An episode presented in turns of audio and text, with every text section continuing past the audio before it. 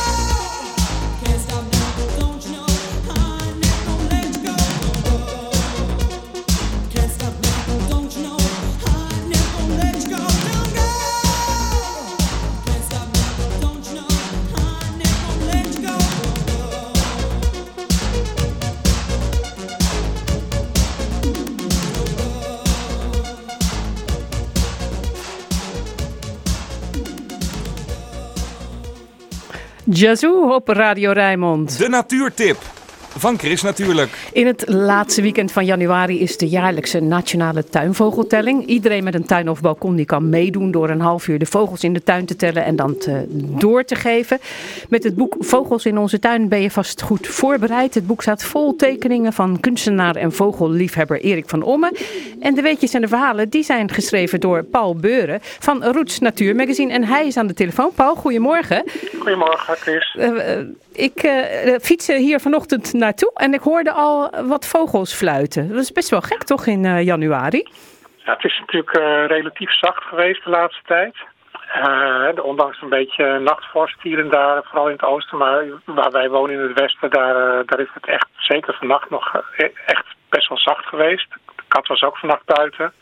En ja, wat al een beetje aan het zingen is, is langzamerhand Merel begint zachtjes af en toe de eerste meisjes uh, hoor je al een beetje uh, in de ochtend uh, zingen. En roodborst zingt natuurlijk de hele winter. Dat is heel bijzonder. dat van de roodborst is zo dat het ook het vrouwtje in de winter zingt. Om, om een winterterritorium af te bakenen. Dat is eigenlijk de enige zangvogel die dat doet bij ons. Dus die hoor je sowieso de hele winter. Ja, en dan in het voorjaar dan gaan uh, andere vogels uh, die gaan een beetje wat, wat zingen op tijd. Want dat las ik achter in jouw boek. Want laten we daar maar gelijk mee beginnen met achter in je boek. welke vogel begint met eerst met zingen en welke eindigt dan als laatste? Ja, dat is, uh, maar dan heb je het wel over echt, uh, echt wel diep in het voorjaar. Hè? Als, als, als alles zingt, zeg maar. Als alle vogels zijn aangekomen. Dan is de gekraagde roodstaart is de eerste vogel die uh, gaat zingen. gekraagde roodstaart is een, ja, een soort... Het lijkt een beetje op een nachtegaalachtig vogeltje.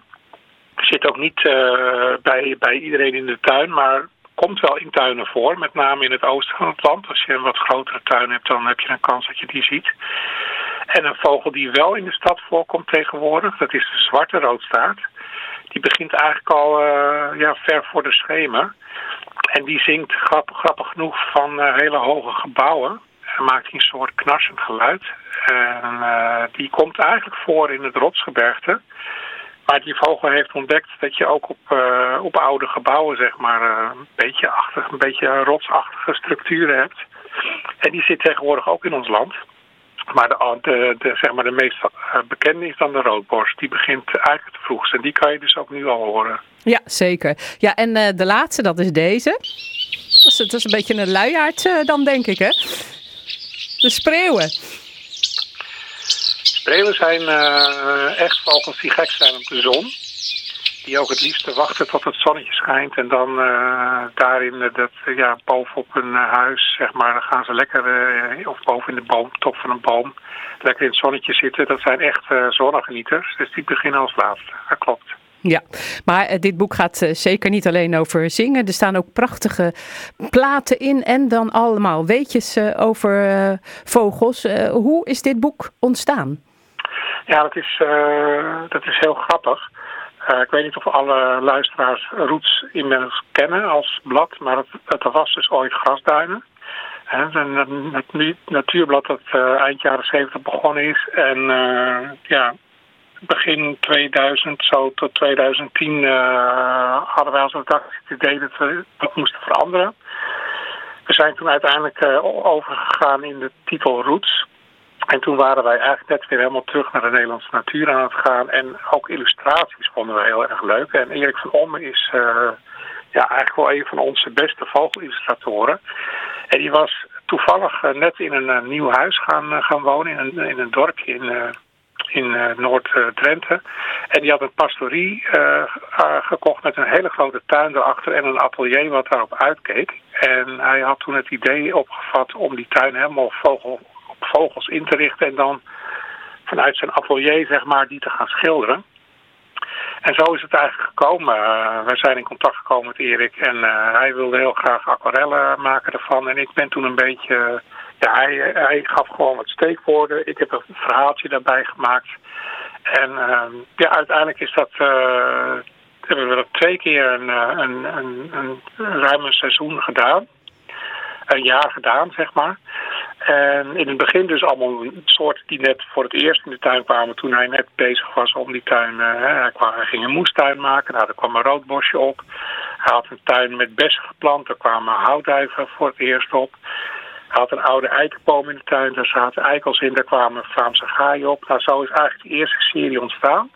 Ja, en dus dan kan je ook wel aan zien dat het eh, inderdaad eh, helpt. Hè? Als je dus uh, de bepaalde dingen in je tuin zet, dat dat dan ook aankomt. En, en zo zijn jullie ook verder gegaan. En uiteindelijk heeft hij zelfs een ooievaar volgens mij in de tuin gekregen. Ja, dat zal de gemiddelde Nederlander niet hebben, denk ik. Nee, nee, het grappige is dat je ziet dan, we zijn dus tien jaar later een tweede serie begonnen. En omdat juist zoveel veranderd was, hadden we zoiets van, nou, eigenlijk wel heel erg leuk. En ja, daaruit is dan uiteindelijk het boek ontstaan. Maar dan zie je dus dat inmiddels ook heel veel soorten uh, tuinvogelsoorten, dat er ook heel veel in verandert. Ja, want bijvoorbeeld, uh, jij schrijft uh, dan dat er steeds meer uh, spechten in de tuin komen. Dus er zijn ook meer spechten en die trekken dan ook naar de tuin. Klopt, ja. Het is gewoon zo dat in heel veel steden en dorpen worden bijvoorbeeld parken gewoon langzamerhand ouder. De bomen worden ouder en daarmee vinden die spechten steeds meer plek om te huizen. En omdat ze zeg maar daardoor uitbreiden, komen ze ook vanzelf in tuinen terecht. En mensen gaan steeds meer vogels voeren, wat, gewoon superleuk is. Maar ook dat hebben die spechters ontdekt. Dat zo'n vetbol, dat, dat vinden zij ook heel erg lekker. Je hebt tegenwoordig zelfs hele speciale spechtenbollen, zeg maar, die ze ervoor maken. Speciaal samengesteld. Ja, dus dat Maar is weer anders dan eh, zo'n eh, mezenbol die je zou maken. Klopt, ja. Die zijn dan groter en wat meer met specifieke eh, pitten en, eh, en voedsel waar wat zo'n specht dan heel erg lekker vindt.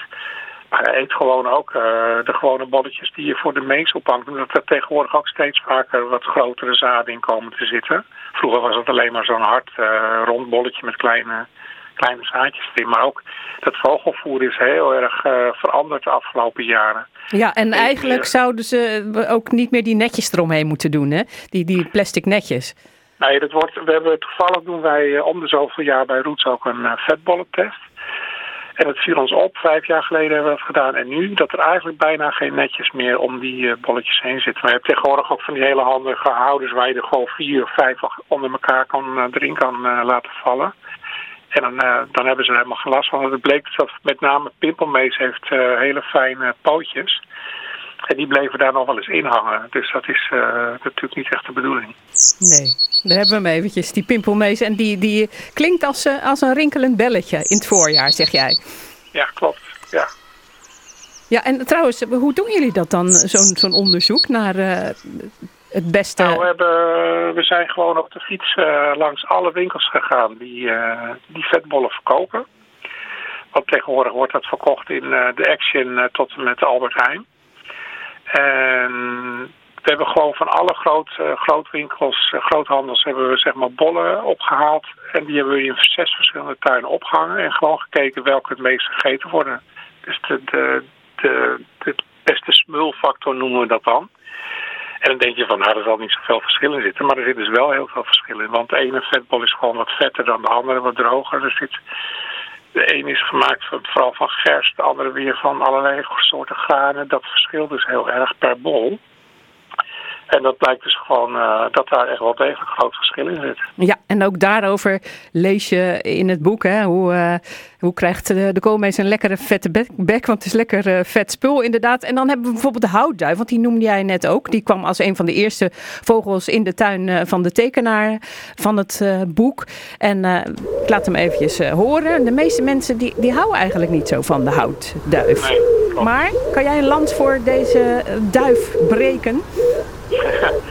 Ja, je hebt, eh, ja, dat komt eigenlijk omdat er natuurlijk heel veel postduiven en andere duiven eh, in de- steden zitten waar, eh, waar mensen niet zo blij van worden. Als zo'n houtduif is, daar is eigenlijk helemaal niks mis mee. En sterker nog, het ging een tijdje heel erg slecht met die houtduif. En waren zelfs bijna verdwenen uit grote delen van Nederland. Maar tegenwoordig gaat het daar gewoon weer heel erg goed mee.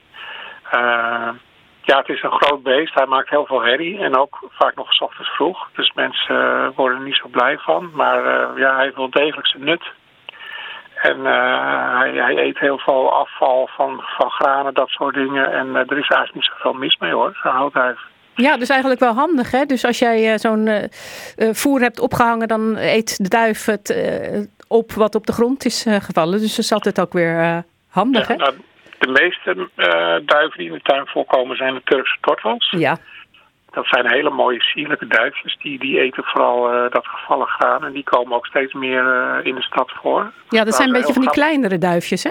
Ja, klopt. Beetje, een beetje zandkleurig met een half maandje in de nek. En eh, prachtig sierlijk beestje. En het was wel grappig, want die zijn ooit uit Turkije deze kant op gekomen. Ik meen in 1953. Daarvoor waren ze helemaal niet in West-Europa. Maar het is een, een vogel die zich heel erg uitgebreid heeft over, eh, over Europa. En dus nu eh, langzamerhand ja, eigenlijk in bijna elke tuin voorkomt. Wat grappig is, zoek maar eens een nest van zo'n vogel. Die vind je bijna niet. Terwijl je ziet ze overal, maar eh, ze, ze zijn toch weer heel erg stiekem. Dat is toch weer ook weer het grappige van die. van die Ja, en weet jij dan waar die nesten zitten? Nou, als je heel goed zoekt, dan eh, ze zitten vaak in de vork van een, eh, van een boom, maar wel heel erg goed verstopt. Maar op de een of andere manier zie je ze niet zeg maar met, met takjes vliegen of, of eenmaal op het nest zie je ze gewoon de hele tijd niet. Ik heb er hier toevallig eentje tegenover ons huis, die broedt in een uh, iep. En op een gegeven moment ik, ik zag hem wel een keer vliegen, maar daarna helemaal niet.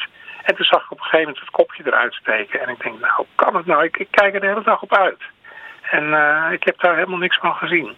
En wat ze wel doen is de, zeg maar, een hele opvallende balsvlucht. Daar gaan ze, ze vliegen de, de lucht in omhoog en dan laten ze zich uh, in een baan zo helemaal naar beneden glijden terwijl ze een heel apart geluid maken.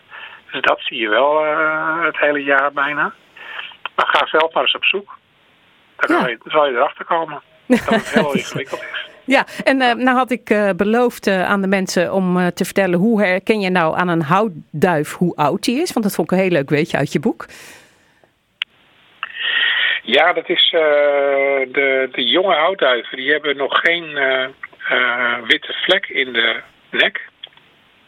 En ook wat minder wit op de vleugels. En dat is, daaraan herken je een jonge, jonge houtduif. Dat wit op de, op de nek, zeg maar hals meer gezegd, dat, dat komt in de loop van, de, van het jaar komt dat tevoorschijn. En daarna kan je zien dat het een uh, jonge houtduif is. Nou Paul, laten we eindigen met een mooie roffel van de grote bonte specht. Paul, dankjewel voor je verhaal. Het boek Vogels in onze tuin uh, van Erik van Om en Paul Beuren is uitgegeven bij Fontaine. Kost in de winkel 25 euro. En er is één luisteraar die het boek kan winnen. Bel 010 436 4436 en je maakt kans. I got knocked down by a knockout blow. One shot and there I'd go. Yeah, my head was spinning. When I thought I had things wrapped up tight.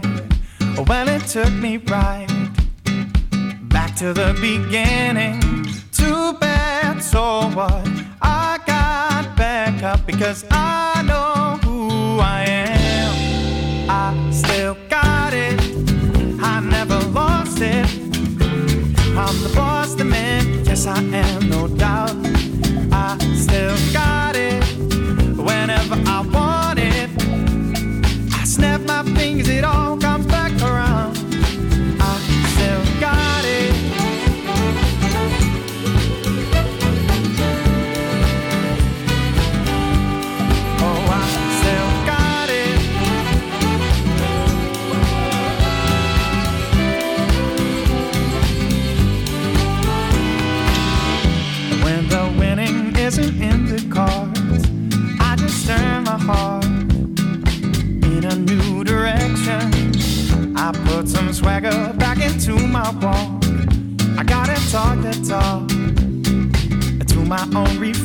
American.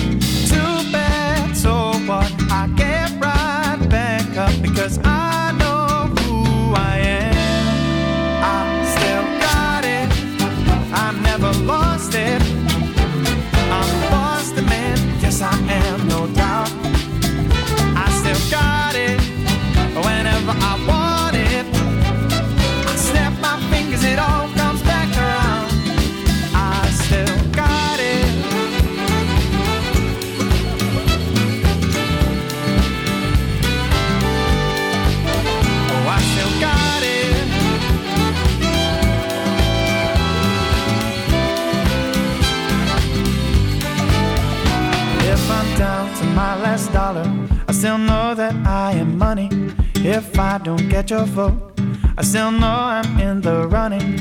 If I can find the rhyme, I still find a way to sing it. And if I cannot fly, baby, I'm just gonna wing it. I Still got it, I never lost it. I'm the boss, the man. Oh, yes, I am, and there is no doubt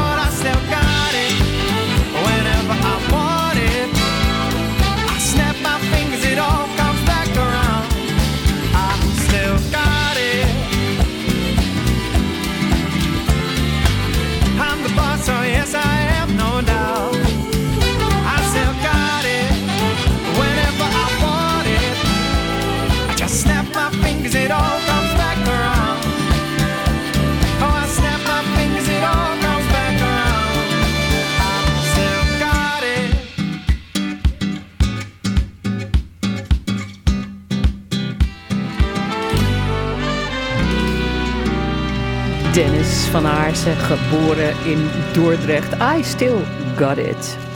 Chris natuurlijk. Lekker groen. Rotterdam wil in 2050 als stad helemaal circulair zijn. Verhalenhuis Belvedere die vraagt zich af, wat is dat eigenlijk circulair? En is daarom begonnen met het verzamelen van tips en verhalen van gewone Rotterdammers die zich bezighouden met kringloop. Eerst van de mensen uit Katendrecht, waar het verhalenhuis gevestigd is. Nu in het Oude Westen, waar zij net als op de Kaap een speciale editie hebben gemaakt van de Wijkkrant.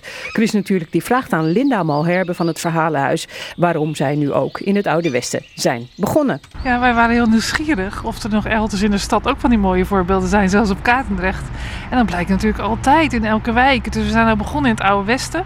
En dan zijn we maar op zoek gegaan. Eerst kom je ineens stuit je op de ruilwinkel. En die blijkt al jaren te bestaan. Dus mensen zijn hier best ook wel gewend om eigenlijk te ruilen, te repareren, te hergebruiken. Um, nou ja, en toen zijn we natuurlijk een aantal mooie verhalen tegengekomen. Dus onder andere mevrouw Mugal. Laten we daar maar eens eh, gaan uh, aanbellen, hè? Hallo, we zijn van het Verhalenhuis. We komen met Chris van Radio Rijnmond. Hallo. Mag ik ook interviewen? Want ik sta ook in de krant. Zie je dat? De voorpagina. Ja, want jullie maken dus eh, elke keer een, een krant, hè? Ja, we doen iedere keer een buurtkrant special. En dan laten we de mooie en inspirerende voorbeelden zien. En wat, doe je, wat ben je aan het doen hier? Uh, ik ben corset aan het snijden. En wat ben je hier aan het maken dan?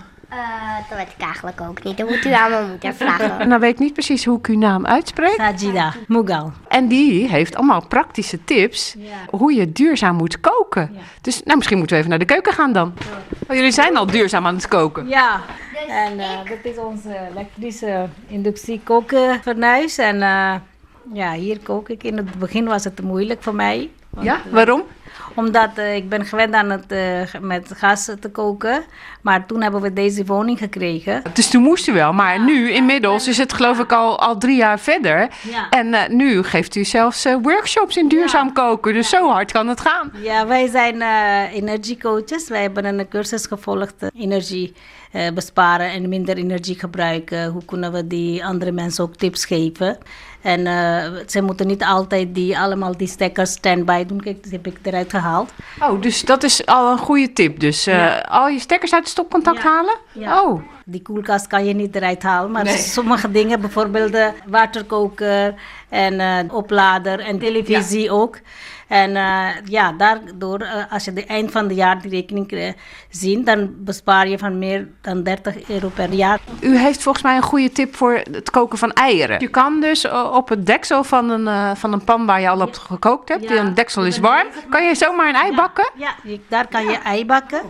En uh, je kan ook uh, ei koken. Als je die uh, bezig bent aan het aardappelen te laten koken of iets zo, dan kan je daarnaast kan je ei ook erin doen. En uh, na 10 minuten vuur uitzetten. En met deze eigen warmte gaan ze doorgekookt. Dan kook je op wat eigenlijk nog de restwarmte ja, is, hè? Ja, de rest met de warmte kan je doorkoken. Ja. En maar hoe was het voor u dan om, om te leren? Want iedereen moet dat leren, van gas uh, naar uh, inductie of naar uh, ja, een kookplaat. Was het, in het begin was het wel een beetje moeilijk om te wennen. Roti, en die is moeilijk op de elektrische te maken. Ja? Als je die vuur hoog doet, dan gaat ze verbranden. Als je het te laag doet, dan gaat ze niet uh, uh, mooi geworden en wordt het helemaal stijf en is helemaal niet meer lekker. En dat was het moeilijk, nog steeds moeilijk. En daardoor heb ik een speciaal apparaat gekocht, noemen ze tandoor. Ja. Elektrische tandoor. Een soort uh, oventje, een klein oventje. Ja, oventjes, ja. waar kan je ook Turks pizza en dit soort dingen maken. Ja. En hoe gaat het daar nou met, uh, met de energie? Gebruik je daar weer veel energie of niet? Ja, daar is het ook veel energie, maar het gaat het sneller dan die hier. En wat hoop jij nou dat mama gaat koken vanavond? Uh, katsalon en een pizza of pasta of spaghetti. Of... Oh, allemaal lekkere vette dingetjes. Ja. En wat wordt het? Ja, ik ga uh, kip maken. Ook lekker? Met patat. Nee, nou, eet smakelijk. Vandaag gaan we geen patat eten. We gaan gewoon vandaag roti eten. In het oventje? Ja. Eet smakelijk, jongens. Vroeger had je de schillenboer en de voddeman. Tegenwoordig heb je de deelauto en de ruilwinkel. Verhalenhuis Belvedere in Rotterdam. Die is op zoek naar nieuwe en oude verhalen. Nieuwe en oude voorbeelden van recyclen, van circulair, van hergebruik. En eh, ja, het is altijd een beetje een, lastig eh, iets. Wat is het nou eigenlijk, circulair? Linda, want eh, ja, ik vind dat zo ingewikkeld. Want dit is tegenwoordig circulair, maar wat is dat? Ja, is het duurzaam? Is het energietransitie? Nee, dus wij vinden circulair ook heel moeilijk. En we hopen eigenlijk dat we door die verhalen op te halen, dat er iemand ineens een woord heeft dat je denkt van ja, dat is een veel beter woord voor circulair. dus die gaan we gewoon zoeken. Dus wij hopen eigenlijk doordat we ook die verhalen ophalen, dat het voor ons ook zelf wat duidelijker wordt. En dan kan je het ook veel beter vertellen. Ja, maar jullie hebben wel een leuk verhaal gevonden. In de krant van het eh, Oude Westen hebben jullie allemaal verhalen verzameld. Bijvoorbeeld eh, eentje uit de Gouvernestraat. We staan hier nu voor een huis. Wat is het voor huis? Ja, het is natuurlijk een nieuwbouwhuis, maar wel midden in de stad op een heel klein plekje. Dus dat vond ik wel grappig. En vooral omdat het met een baksteen is gebouwd die van afval is gemaakt. Er was dus een, eh, een, eh, een kind bij en die gaf het voorbeeld van... Ja, kijk, er zitten toiletpotten in dit huis. nou ja, dat is natuurlijk heel grappig dat het van oude toiletpotten is gemaakt. Dus er zit 14.000 kilo afval in dit huis. Dat klinkt toch heel veel? Hallo. Ja, tuurlijk. Dit is Radio Rijnmond. Dit gaat over, eh, ehm, nou, zeg maar, circulair. Ja, dit huis. Weet je waar dit van gebouwd is? Nee. Het is gemaakt van, eh, van afval. Van afval? Ja. Nee, licht. Dat kan toch niet? Ja, nou ja, de bewoner komt straks en dan zullen we het horen. Ja, ben ik, ben, ik ook benieuwd eh, wat zijn reactie is. Hoor. Want als ze me gaat zeggen dat dit van afval gemaakt is, ja, dan kunnen we meer afval aan het bedrijf geven. Hoor. Inderdaad. Wow. Ja, dat is de bedoeling eigenlijk, hè? Ja, ik ben, ik, ben, ik ben echt stom verbaasd. Dat had ik nooit verwacht. Nog een vrijdag verder, hè? Hoi. En straks na half negen dan vragen we aan de bewoner van het huis in de Gouvernestraat hoe het nou zit met die bakstenen gemaakt van oude toiletpotten en ander bouwafval. Het is bijna half negen, dus hoog tijd voor. Chris Natuurlijk. De weekendbijlage. Wat staat er in de weekendkranten over groen, natuur en milieu? Je hoort het in het overzicht. Ik lees het samen met Martin van der Boogaert. Martin, goedemorgen. Jij gaat beginnen. Ja, goedemorgen. Ja, de boer die kan hem wel schieten, kopt het AD in de weekendbijlage. Het gaat over de wolf. Waarom heeft de wolf meer rechten dan mijn schapen, zegt een boze boer. Maar ja, de wolf is er, dus we moeten ermee leren leven. Boeren die zullen de prachtige tekening van natuurorganisatie ARK over de voordelen van de wolf vast niet aan de muur hangen. Volgens ARK is er minder wintersterfte onder hoefdieren omdat de wolf de zwakke dieren er al heeft uitgepikt. Aaseters profiteren van wat de wolf overlaat van zijn prooi en waar de wolf woont groeit het bos omdat ree en hert daar minder grazen. Op jacht naar de perfecte natuurfoto lijkt alles wel te mogen, schrijft Trouw. Getrainde eekhoorns, opgezette dieren of eh, zwermen vogels waar met een drone doorheen wordt gejakkerd. Steeds meer natuurliefhebbers slaan alarm. In de wetenschapsbijlage van NRC een artikel over PFAS.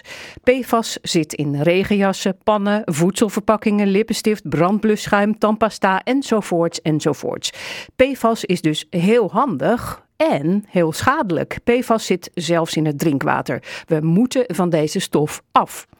En dan gaan we nog even naar twee zonderlingen uit Groningen. Eh, Toby en Vrouwtje heten ze en ze gaan dit hele jaar vissen. 365 dagen en nachten lang. En ze slapen in een, eh, in een tentje. Ze wassen zich in een tijltje, met een tijltje. En we zijn eh, de enige Nederlanders die niet hopen op een Elfstedentocht, zeggen ze. En ja, ik denk dan, als er een Elfstedentocht komt, kan je toch altijd nog een gat maken in het ijs en dan vissen. Zo doen de Russen dat altijd. ja, nou ja, ik denk dat we niet hoeven te wachten op een Elfstedentocht. Maar we gaan het eventjes vragen aan onze weerman Stefan van der Gijzen. Stefan, goedemorgen. Goedemorgen Chris. Nou, eh, geen eh Elfstedentocht. Hè. Die mensen kunnen gewoon lekker vissen zonder dat ze een, eh, een gat in het ijs hoeven te hakken. Ja, dat klopt, want eh, ja, winterweer dat zien we in de verste verte niet in de weerkaarten helaas, wat dat betreft. Nee, nou ja, hoe ziet het weer er dan uit voor dit weekend? Nou, op dit moment hebben we te maken met, eh, met mist in de regio. Het is ook eh, grijs op veel plaatsen. Lokaal kan die mist ook nog eh, verkeersbelemmerend zijn, vooral vanochtend nog. Maar gaandeweg de dag dan komen er geleidelijk aan gaten in het wolkendek. En kunnen we vooral landinwaarts eindelijk weer eens de zon gaan zien. Nou, en dat is na al die grijsheid de afgelopen tijd toch wel voor veel mensen een verademing, denk ik. Toch, Chris? Nou, zeker. Ja, daar heb ik wel zin in. Nou, ik vond het eigenlijk best ook wel meevallen toen ik hier naartoe reed. Maar ja, dan is het nog donker natuurlijk. Dus Ja. ja. En vanmiddag dus wat lekker zon en wel wat denk ik. Ja, klopt. Want eh, ja, het is vanmiddag wel eh, met graad of 4 à 5 wel aan de frisse kant. Maar er staat maar heel weinig wind vanuit het, eh, vanuit het zuidoosten. Dus daar zullen we niet zo heel veel van merken. Vanavond en vannacht gaat de bewolking wel weer toenemen. Het blijft wel in eerste instantie nog overal droog. Ja, in vergelijking, in vergelijking met voorgaande nacht is de kans op mist deze nacht gelukkig een stuk kleiner. De temperatuur daalt eerst naar waarde van rond het vriespunt in het oosten van de regio. Tot een graad of 3 aan zee. Maar later in de nacht, op nadering van een zwak front en toenemende bewolking, loopt de temperatuur weer wat op.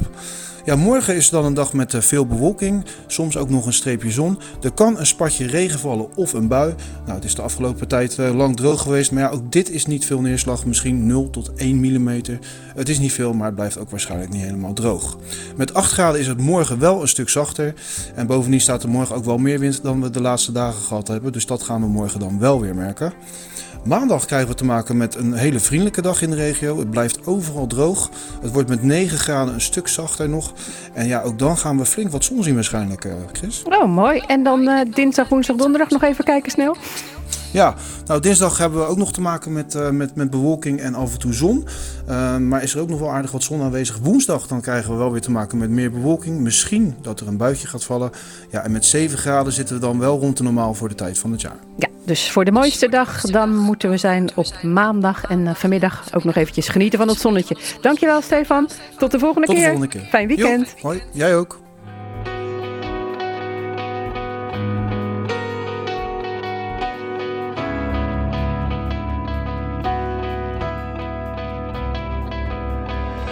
I don't know if you were looking at me or not. You probably smile like that all the time. I don't mean to bother you, but I couldn't just walk by and not say hi. And I know your name, 'cause everybody in here knows your name. You're not looking for anything right now, so I don't wanna come on strong. Don't get me wrong, your eyes are so intimidating. My heart is pounding, but it's just a conversation. No, girl, I'm not a wasted. You don't know me, I don't know you, but I want to. And I don't wanna steal your freedom, I don't wanna change your mind. I don't have to make you love me, I just wanna take your time. I don't wanna wreck your Friday. I ain't gonna waste my life. I don't have to take your heart. I just wanna take your time. And I know it starts with hello, and the next thing you know, you try to be nice, and some guys getting too close, trying to pick you up, trying to get you run. And I'm sure one of your friends is about to come over here Cause she's supposed to save you from random guys that talk too much And wanna stay too long. It's the same old song and dance But I think you know it well. You could've rolled your eyes Told me to go to hell. Could've walked away But you're still here. And I'm still here. Come on, let's see where it goes. I don't wanna steal your don't have to make you love me. I just wanna take your time. I don't have to meet your mother. We don't have to cross that line. I don't wanna steal your covers. I just wanna take your time.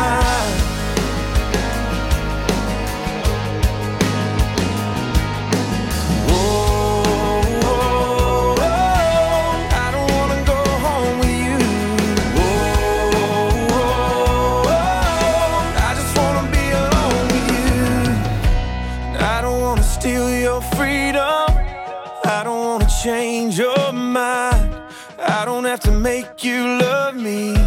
I just wanna take your time. I don't wanna blow your phone up. I just wanna blow your mind. I don't have to take your heart. I just wanna take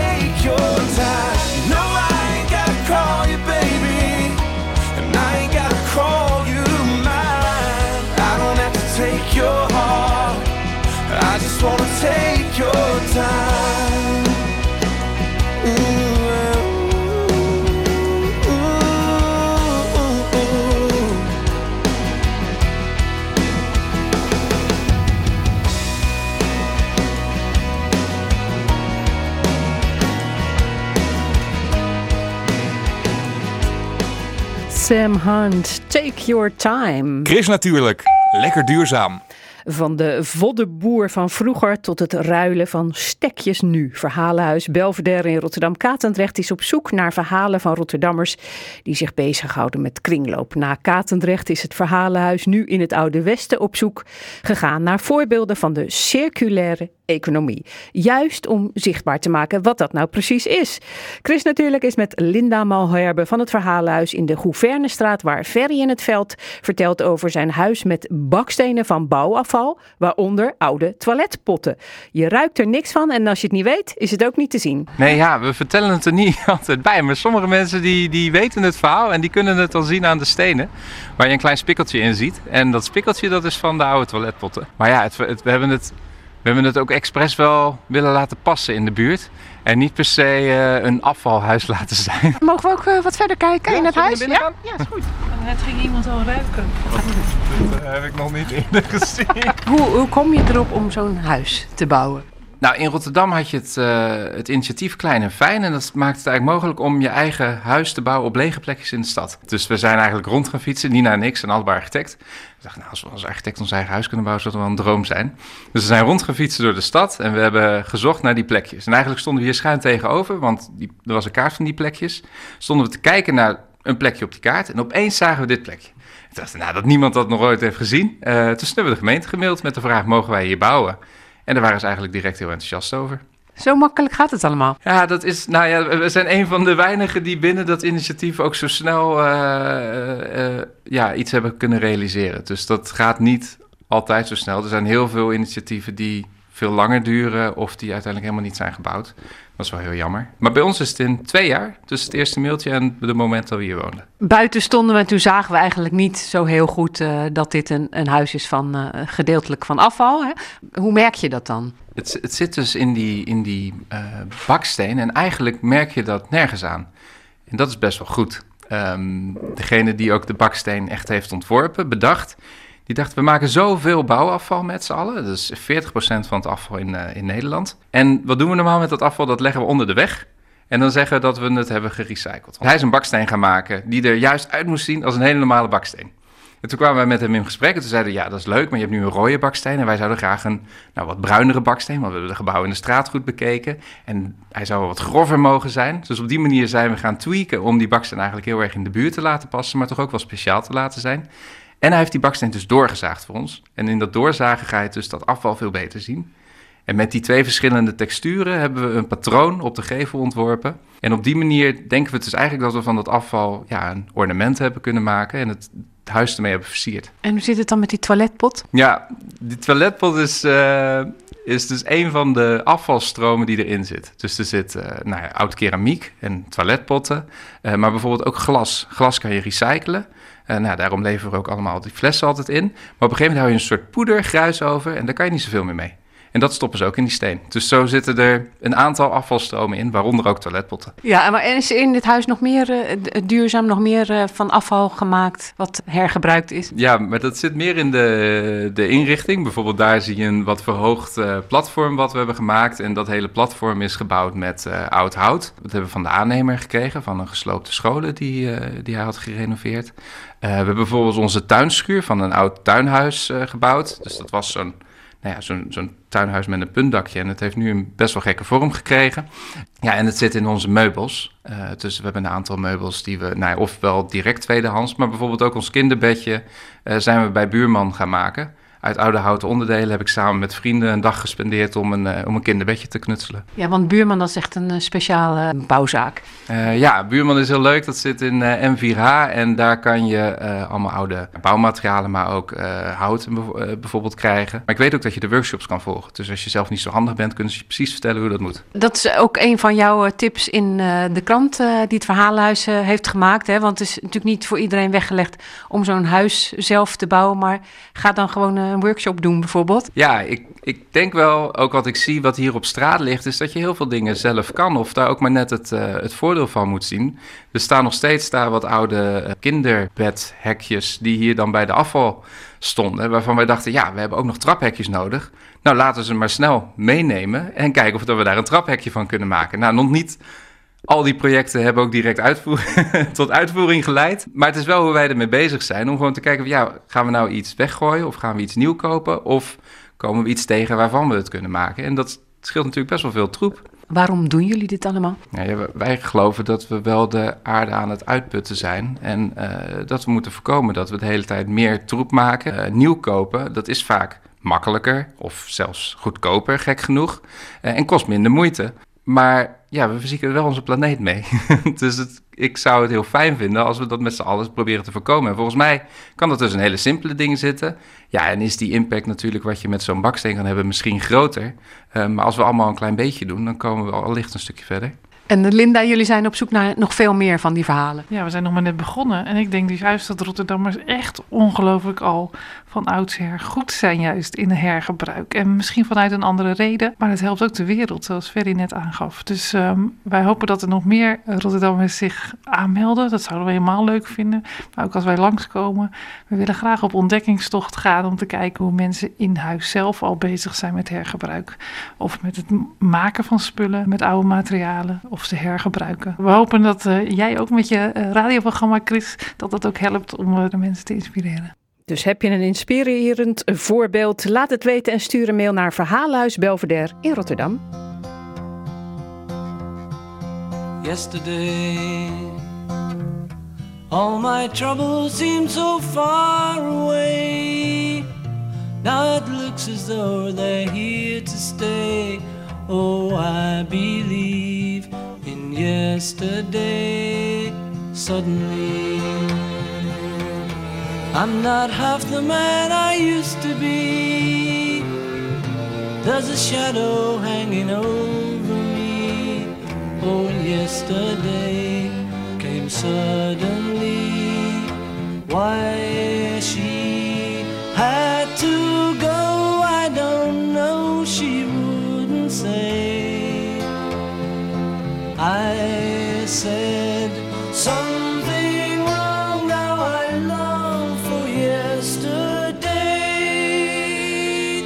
yesterday. Love was such an easy game to play. Now I need a place to hide away. Oh, I believe in yesterday. Yesterday van de Beatles, die gaan we weghalen, want we hebben een prachtig interview van... Chris natuurlijk. Lekker lezen. Nelleke Noordervliet. Ze woont al jaren in Amsterdam, heeft vele boeken op haar naam staan die zich op vele plekken in de wereld afspelen. Wij kunnen dit, haar nieuwste roman, speelt zich af in Rotterdam. In Chris natuurlijk vertelt de schrijfster waarom Rotterdam. Meestal spelen romans eh, tegen de achtergrond van Amsterdam of iets dergelijks. Maar ik dacht, ja, nee, Rotterdam, dat is eh, eigenlijk veel leuker. Maar ik moet je eerlijk zeggen dat eigenlijk vanaf het begin van altijd als even kon Rotterdam toch een rolletje heeft gespeeld. Er is altijd wel een personage dat afkomstig was uit Rotterdam. Vrijman speelt in het begin in Rotterdam in de 17e eeuw. Dus het is een, uh, toch eigenlijk wel een constante in het werk.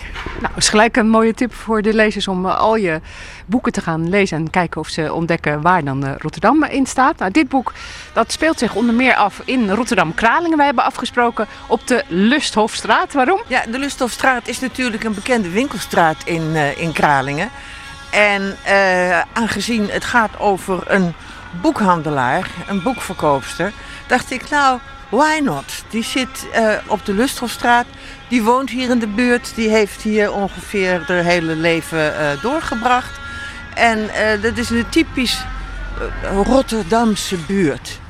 Het is heel erg Rotterdam ook hier. Dus vandaar dat ik eh, deze locatie heb gekozen. Ze Ja, woont want, waarom is het zo Rotterdams dan, deze buurt? Nee, dat weet ik niet.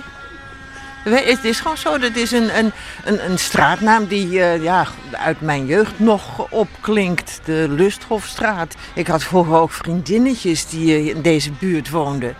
En de Van Voorschotenlaan of zo. En de Avenue Concordia en zo. Dus, en dat vond ik altijd wel chic. Chique namen. Hele chique namen. En het was natuurlijk vergeleken bij mijn buurt best wel een, eh, een chicere buurt. Ja, Krooswijk kwam jij vandaan. Oorspronkelijk Krooswijk en later eh, Bergpolder en eh, de Koolhaven en zo. Dat waren hele simpele buurten. Dus dit was eh, voor mij toch wel een beetje eh, in de, in de iets hogere stand. Ja, maar in, eh, in jouw boek wordt deze buurt eigenlijk beschreven als een beetje, een beetje benepen buurt. Nou, het is een buurt, geloof ik, dat ik zeg dat die ja, aarzelt tussen gentrifying, dus dat er wat eh, meer mensen met een hoge opleiding komen, en toch eh, verkommering. Het is een 19e eeuwse buurt voor een groot gedeelte. En dat is, het is niet fancy meer. Het is, lijkt in niets op het nieuwe Rotterdam wat verrijst in het centrum en aan de haven met al die prachtige complexen met appartementen. Dus het maakt een eh 19e eeuws burgerlijke indruk. Ja, en die boekhandel die is eigenlijk ook niet fancy meer. Ja, die boekhandel heeft gewoon nog een ouderwets twee eh etalagetjes en tussenin een, eh, een, een, een deur waar je mee door naar binnen kan. Eigenlijk lijkt het een beetje op. Zo'n beetje op dit winkeltje waar we nu voor staan. En Dat is het, nog iets anders. Ik had nog een portiekje gedacht en daar dan de, de, de entree in. Eh, Dus een, een ouderwetse winkel die je wel eens een keertje in een opknapbeurt kan, eh, kan gebruiken. Maar waar, ja, ja, het is natuurlijk een, een moeilijke tijd voor de boekhandel. Het is een, kost een hoop geld. Een eh, renovatie waar ze denken het nog wel uit te kunnen zingen in dat oude pandje. Maar had jij een bepaalde boekhandel voor ogen toen je dit boek schreef? Nee, niet een bepaalde boekhandel voor ogen, maar wel een bepaald soort boekhandelaar die je in alle grote steden eh, hebt. Niet in het centrum, maar altijd een beetje terzijde. Gewoon de boekhandelaar van iemand die echt geïnteresseerd is ook in, in literatuur, die daar veel aan doet. Die ook probeert meegaan met de tijd, maar die tegelijkertijd nog hoort tot, laten we zeggen, een oudere generatie boekhandelaar. En mijn boekhandelaarster heeft de zaak van de vader overgenomen. De vader die daar zijn ziel en zaligheid in heeft gelegd in die, in die boekhandel. En zij doet precies hetzelfde, maar probeert wel te vernieuwen. Heb je ook boekhandelaren gevraagd? Want eh, bijvoorbeeld dan schrijf je van, eh, ja, dan komt er een klant binnen en eh, die levert dan zijn boek weer in, die wil het ruilen. En dat is duidelijk gelezen. Ja, ja, maar ja, ik loop nu ook al een tijdje mee in de, in de wereld van het boek. Dus je komt wel eens boekhandelaren tegen. Of je kijkt om je heen in een boekhandel. En dan weet je wat er kan gebeuren allemaal. En, en zeker inderdaad mensen die ten onrechte een boek proberen te ruilen. Of mensen die uitgebreid gaan staan lezen in de winkel. En dan naar huis gaan om het bij Bol.com te bestellen. Ja, dat is nou eenmaal, dat weet je, dat gebeurt. En ik heb nu wel wat boekhandelaars gesproken. Die zeiden van ja, klopt allemaal. Ja, ik kon me zo goed voorstellen wat je. Wat Oh, je dus zei. die het alvast gelezen hebben. Die het alvast gelezen hebben, want dat, dat mocht dus uiteraard. De hoofdpersoon, de boekhandelaarster, dat is Helen. Wat is dat voor iemand? Ze is zo, nou pakweg rond de 40. En ze heeft een eh, cerebrale parese. Ze is bij de geboorte is er eventjes wat zuurstoftekort opgetreden. Dus ze heeft een soort licht spastische loop. En dat is natuurlijk een beperking die je leven wel enigszins tekent. Maar daar is ze altijd dapper mee omgegaan. Ze wil zich niet als een slachtoffer afficheren. Dus absoluut niet. Dus het is- ze is fel, ze is pittig. En eh, ze komt wel voor zichzelf op. Eh, maar ja, ze heeft een paar andere problemen natuurlijk. A, is dat de boekhandel die langzamerhand wel in zwaar weer terechtkomt. En B, haar moeder is eigenlijk heeft het gezin verlaten toen Helen 14 jaar was. En die komt na 25 jaar weer terug. Dus dat is eventjes het punt in het boek waar we beginnen. Van, komt die moeder weer terug? En nou, dan gaat het verhaal van start. Ja, want dit boek gaat over een nieuwe liefde. Een nieuwe liefde op je veertigste. En dan zeg jij, ja, dat is eigenlijk gedoe. En eh, heel goed, beschrijf je dat misschien wel eh, op de kaft? Zou je dat willen voorlezen? Ja, dan is ze met haar nieuwe eh, geliefde, gaan ze naar Schiermonnikoog. Om, nou ja, gewoon even uit te proberen hoe het allemaal gaat. Ze kozen ieder een kant van het bed en legden er hun bagage op. Het was een intiem moment te zien wat de ander had meegenomen en hoe het was ingepakt. Welk boek op het nachtkastje kwam. Of de tandenborstel elektrisch was of niet. En welke potjes en flesjes op de wastafel werden gezet. Helen had erover nagedacht en stalde het meest neutrale uit. Gezichtsreiniger, schoonmaakwatjes, dag- en nachtcreme, parfum, tandenborstel en pasta. Meer niet. Medicatie en andere uiterst persoonlijke doekjes, zalfjes, rollers, stiften en pincetten. Geheim en buiten zijn aanwezigheid in te nemen of aan te brengen dan wel te hanteren. Van Leo zag ze alleen een flink formaat toilettas die hij naast de wastafel op de grond plaatste. Nou, dat is dus een passage uit het nieuwe boek, de nieuwe roman van Nelke Noordervliet. En wie is die Leo? Die komt in de eerste zin eigenlijk al van het boek tevoorschijn. Dan, staat, dan ziet Helen een man uh, door de, uh, de winkeldeur turen. Van, ze komt namelijk s morgens vroeg aan en staat er iemand in het partiek. Kijken naar binnen of het al open is of zoiets dergelijks. En dan is hij weer weg. Maar dat is de man die even later uh, een boek komt kopen bij haar in de winkel. En dan begint langzamerhand, zoals dat gaat in het leven, mensen zien elkaar, langzamerhand ontwikkelt zich een, een vriendschap en van daaruit een liefdesrelatie. En dan zeg je, het is gedoe eigenlijk, op die leeftijd uh, een nieuwe relatie beginnen. Ja, want je hebt allebei je verleden. Als je twintig bent, is het normaal. He, dan ga, neem je dat mee in de, de, het bestaan zoals iedereen dat heeft. He, dat is logisch. Maar ben je 40, nou, dan uh, heb je wel wat bagage om uh, te delen. Dus dan, dan word je wat onzekerder van. Dat worden zij uh, allebei ook. Hoe kwam je op het idee voor dit boek? Ik wilde een boek schrijven over liefde. Ik was eigenlijk, nou ja, al een heel eind. En Leo en Helen hadden elkaar gevonden. En toen dacht ik, ja, wat nu? Het is nog niet uit, maar ik weet even niet wat er nu gebeurt. Er moet iets gebeuren. Dus ik heb het opzij gelegd. Toen heb ik eerst de val van Thomas G. geschreven. Dus een roman die uh, uh, uh, twee jaar geleden is uitgekomen. En toen die klaar was, dacht ik, god, toch eens eventjes kijken hoe het met Helen en Leo gaat. En toen um, dook opeens corona op. Toen dacht ik, dat is natuurlijk een grote gebeurtenis. Corona als gamechanger, schrijft de uitgever. Ja, precies. Inderdaad. Want dat, dat is. Ik, ik heb het niet als uh, hoofdthema willen gebruiken, maar wel als het element dat uh, levens beïnvloedt. Uh, dat hoeft niet het, het zwaar te zijn. Dat hoeft niet alles overheersend te zijn. Maar het is wel een element dat uh, meetelt. Je schrijft ook in het boek bijvoorbeeld, ja, 50 jaar terug accepteerden we dat gewoon een pandemie en uh, was het klaar. En nu vinden we het oneerlijk. Ja, want de, de, de bekende vergelijking met de Spaanse griep, waar we nog geen enkel middel tegen hadden. En in die tijd was nog niet eens penicilline uitgevonden. En had je maar te dealen met een, een, een pandemie. Dat was een onderdeel van het leven. En daar verzette men zich oh, zo uh, goed en zo kwaad mogelijk tegen. Maar daar kon je, dat kon je natuurlijk niet oplossen. En nu zijn wij zo gewend aan geweldige medische verzorging en preventie en medicijnen en vaccins. Dat dit kwam ons zo rauw op het dak vallen. We dachten, hè? Hoe kan dat nou? De titel van je boek, Wij kunnen dit, heeft, vind ik eigenlijk een beetje een coronatitel. Zet hem op of we kunnen dit. Ja, uh, alleen zegt, zegt Helen het uh, over de liefde. Hè? Van, uh, maar dat heeft natuurlijk ook met zo'n verschijnsel als corona te maken. Van, je komt problemen op je pad tegen.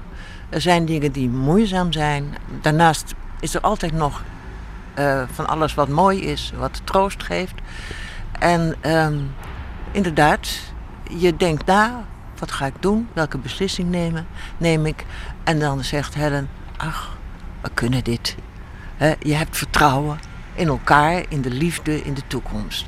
En ik had voor mijzelf heel sterk het gevoel dat ik dat moest geven aan het eind.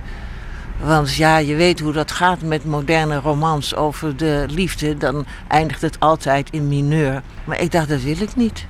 Het kan ook wel eens goed gaan. We kunnen dit. Wel potverdorie.